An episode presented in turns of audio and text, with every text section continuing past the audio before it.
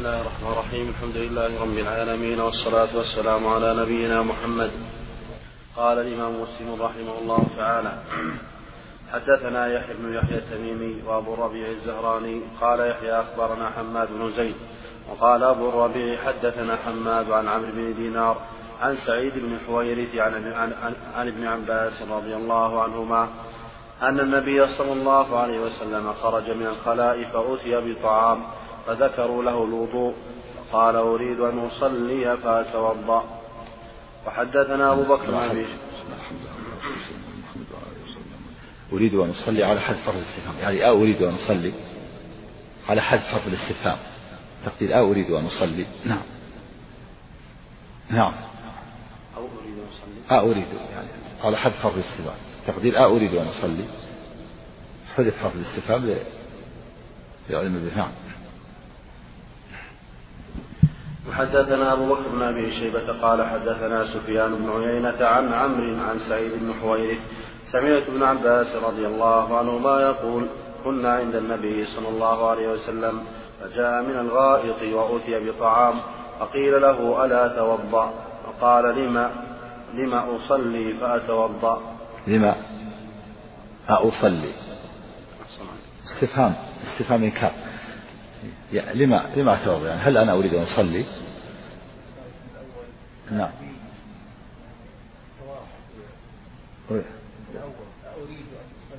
على حذف حرف الاستفهام. أريد تقدير أريد؟ على حذف حرف الاستفهام. نعم. نعم. ولما أنكر؟ لما؟ أصلي حتى أتوضأ؟ يعني أن أن الذي. الوضوء إنما هو للصلاة. وأنا لا أريد أن أصلي الآن. نعم. وحدثنا يحيى بن يحيى قال أخبرنا مسلم محمد بن مسلم الطائفي عن عمرو بن دينار عن سعيد بن حويرث مولى آل السائب أنه سمع عبد الله بن عباس رضي الله عنهما قال ذهب رسول الله صلى الله عليه وسلم إلى الغائط فلما جاء قدم له طعام فقيل يا رسول الله ألا توضأ؟ قال لما؟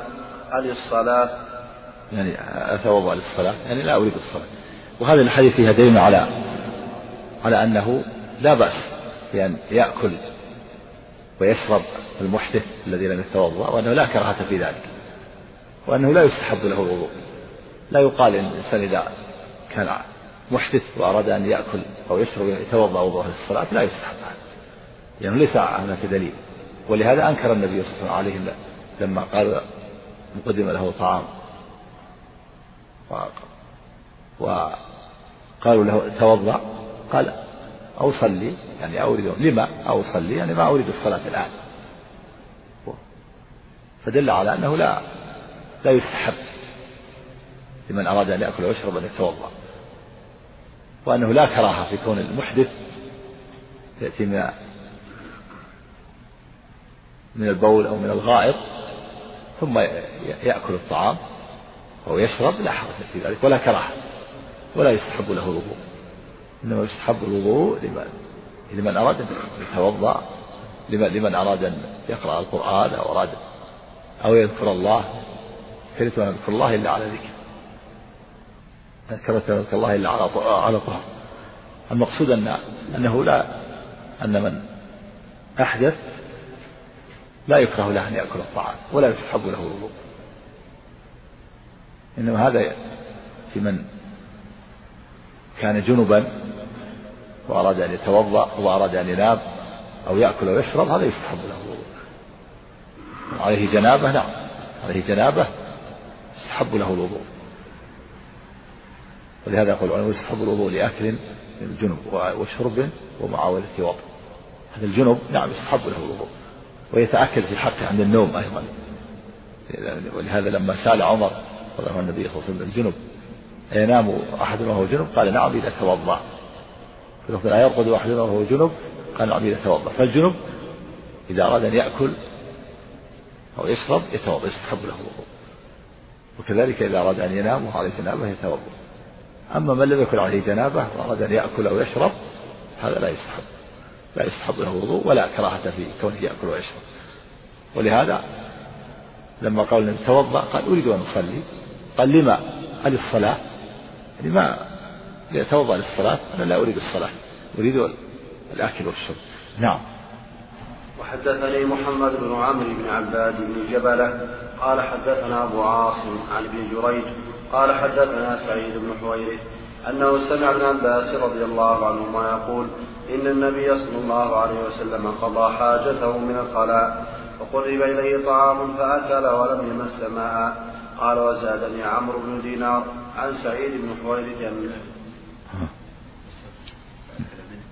إيش؟ من هو؟ وقرب إليه طعام فأكل ولم يمس ماء فأكل منه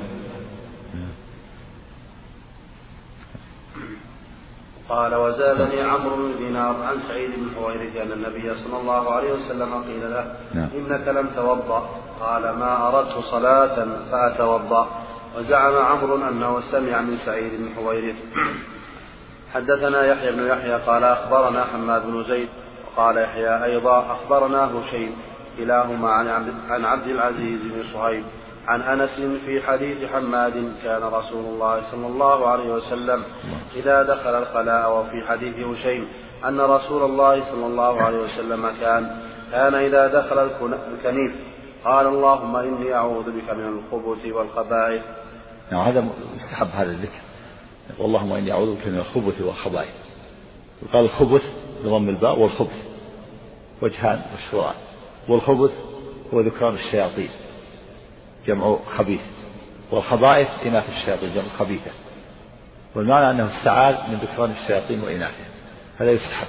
قولوا إذا دخل الخلاء يعني إذا أراد دخول الخلاء. كقوله تعالى فإذا قرأت القرآن فاستعذ بالله من الشيطان يعني إذا أردت قراءة القرآن. وهذا معروف. ويدل على هذه رواية البخاري إذا أراد إذا أراد أن يدخل. فإذا أراد أن يدخل اللهم إني أعوذ من الخبث والخبائث ويقول بسم الله أيضا وإن كانت لم لم يدل دليل ظاهر على تسمية إلا أن التسمية مشروعة عند الأمور المهمة والمفضلة. قل بسم الله اللهم إني أعوذ بك من الخبث والخبائث. أما ما جاء في رواية ابن ماجه أعوذ بالله من الشيطان الرجس النجس الشيطان الرجيم هذا ضعيف. نعم.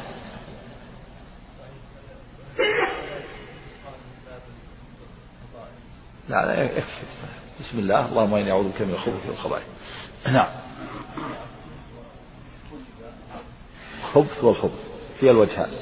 الخبث بضم الباء واسكانه نعم ما واحد نعم. يستحب الشيخ كثير من العلماء آه، أو لم يمانع كثير من العلماء من العمل الضعيف الضعيف إذا إذا لم يكن إذا كان له أصل.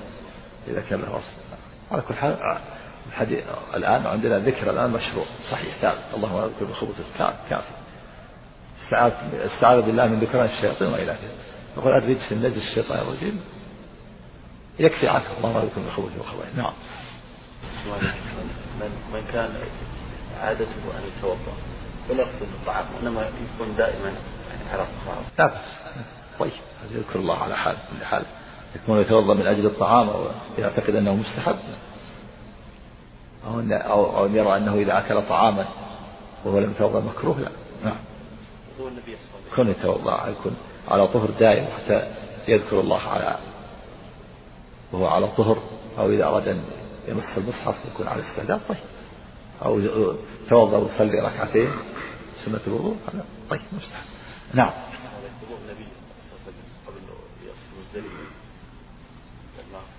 نعم. ما هو للطعام هذا؟ أقول ما هو للطعام نعم. نعم. وحدثنا أبو بكر بن أبي شيبة وزهير بن حرب قال حدثنا إسماعيل هذا قد استدل بها أن الإنسان يكون على طهارة مثل ما جاء في الحديث الآخر. كرهت ولا الله إلا على طهارة. يكون الإنسان على طهارة طيب. نعم. وحدثنا أبو بكر بن أبي شيبة وزهير بن حرب قال حدثنا إسماعيل وهو ابن علية عن عبد العزيز بهذا الإسناد وقال أعوذ بالله من الخبث والخبائث. حدثني زهير بن حرب قال حدثنا إسماعيل بن علية حاء وحدثنا شيبان بن فروق قال حدثنا عبد الوارث كلاهما عن عبد العزيز عن أنس عن أنس رضي الله عنه قال أقيمت الصلاة ورسول الله صلى الله عليه وسلم نجي لرجل وفي حديث عبد الوارث ونبي الله صلى الله عليه وسلم يناجي الرجل فما قام إلى الصلاة حتى نام القوم. حدثنا عبيد الله بن معاذ عن بريد يعني حتى نعس المراد بالنوم هنا النعس ونجي يعني يناجيه سرا في أمر مهم. حتى يحتمل أنه, أنه جبريل أو غيره. يناجيه سرا. وفي دليل عنه لا بأس بالمناجاة سرا عند الجماعة. كل اثنان يتناجيان إذا كانوا جماعة كثيرون لا بأس. إنما النهي جاء في إذا كانوا ثلاثة. يتناجى اثنان ويترك الثالث. أو كانوا أربعة يتناجى ثلاثة ويترك الرابع. أو أربعة يتناجى أربعة ثلاثة أربعة ويترك الخامس. أما إذا كان عدد كثير وتناجى اثنان فلا حرج. النهي عن المناجاة سرا إذا كانوا اثنين تركوا واحد أو ثلاثة وتركوا الرابع. هنا جماعة كثيرون. المناجاة التحدث سرا. وفي دليل على على أن على أنه لا بأس بالكلام بعد إقامة الصلاة. ولهذا بعد إقامة الصلاة ناجى النبي صلى هذا الرجل. وفيه أنه دليل على أن لا تعاد الإقامة ولو طال الفصل حتى ولو ذهب يتوضأ لا تعاد الإقامة. إذا تكلم يحتاج يتكلم بعد الإقامة يتكلم مع شخص. قل حتى نام القوم يعني نعس القوم. المراد به النعاس الذي لا يزول معه الإحساس. نعم.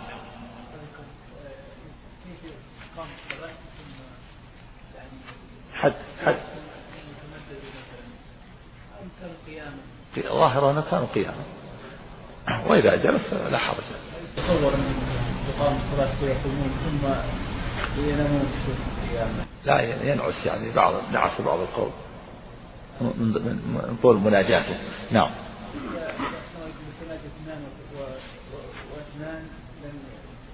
لا بأس إذا كانوا اثنان وإثنان لا بأس. المنهي إذا كان واحد. نعم. وحدثني وحدثني يحيى بن حبيب الحارثي قال حدثنا خالد وهو ابن الحارث قال حدثنا شعبة عن قتادة قال سمعت أنس رضي الله عنه يقول كان أصحاب رسول الله صلى الله عليه وسلم ينامون ثم يصلون ولا يتوضؤون. قال قلت سمعته من أنس قال إي والله. نعم. ينامون يعني ينعسون قال قال شعبة يقول قتادة سمعته من أنس لأن قال إي والله لأن لأن قتادة مدلس. فأراد أن يتثبت. كان شعبة هو أمير المؤمنين في الحديث شديد في التدليس حتى يقول إن الزنا أهون من التدليس. شعبة يرى يقول الزنا أهون من التدليس. يكون يدلس الحديث. قتادة يدلس ثقة رحمه الله. إذا عن عن قال عن فهو فهو مدلس. فأراد شعبان يتثبت. قال لقتادة أسمعت من الناس؟ قال إي والله. حلف. قسم له حتى يؤكد له لأنه يعرف أن شعبة يتشدد في هذا. حلف قتادة أنه سمع هذا الحديث من أنس. فزال ما يخشى من تدريسه. نعم. نحسن الله ما في ما كره العلماء الكلام. الكلام بعد الإقامة في غير مصلحة الصلاة. ما ما أذكر شيء يعني. نعم. يعني بعضهم يسولفون يضحكون وهكذا قبل هذا ما الضحك منهي عنه. بعد الإقامة وقبل الإقامة في المسجد. نعم. حدثني أحمد بن منهي عنها في المساجد منهي عنها نعم. حدثني أحمد بن سعيد بن صخر الدارمي قال حدثنا حبان. قال حدثنا حماد عن ثابت عن أنس رضي الله عنه أنه قال أقيمت أقيمت صلاة العشاء فقال رجل لي حاجة. فقام النبي صلى الله عليه وسلم يناجي حتى نام القوم أو بعض القوم ثم صلوا. لا حتى نعسوا وهذا والمراد بالنوم هنا النعاس. النوم النعاس الذي لا يزول معه الإحساس لا ينقض الوضوء. أما النوم الذي المستغرق الذي يزول معه الإحساس هذا هو الذي ينقض الوضوء.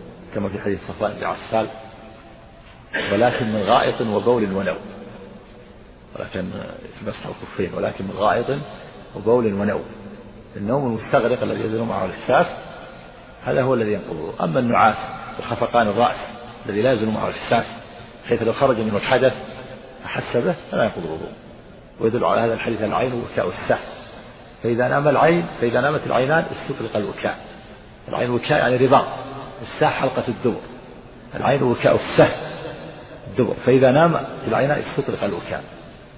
فإذا نام الإنسان نوما مستغرقا يزول معه الإحساس حتى لا يشعر من حوله ولو خرج من الحدث ما ما أحس به هذا هو الذي ينقض الوضوء سواء كان من قائم أو أو راكع أو ساجد أو مضطجع.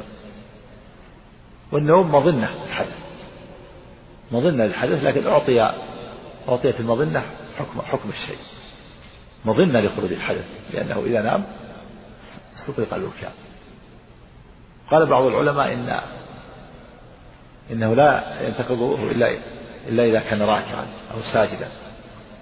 وقال آخرون لا ينتقض إلا إذا كان ساجدا. وقال آخرون لا ينقض النوم لا ينقض مطلقا. وقال آخرون ينقض مطلقا. وقال آخرون كثير النوم ينقض وقليله لا ينقض. وقال آخرون إذا كان النوم في الصلاة فلا ينقض وإذا كان خرجها فلا ينقض. وقال آخرون إنه لا ينقض النوم إلا إذا, إذا كان إذا كان قد ثبت مقعدته وجلس فلا ينقض الوضوء. أما إذا كان لم يمكن مقعدته فإنه فإنه ينقض والصواب هذا كله أن النوم الذي ينقض الوضوء هو النوم المستغرق الذي يزول معه الإحساس. سواء كان من راكع أو ساجد أو غيره. هذا هو الصواب. إذن هذه الحديث الصحابة كانوا يرعسون وتخفق رؤوسهم وكانوا وهم ينتظرون صلاة العشاء وكانوا يصلون ولا يتوضرون نعم. ما أذكر شيء كانوا يغطون بعضهم. قد قد يحصل مع النعاس. نعم. ما يلزم ما يلزم.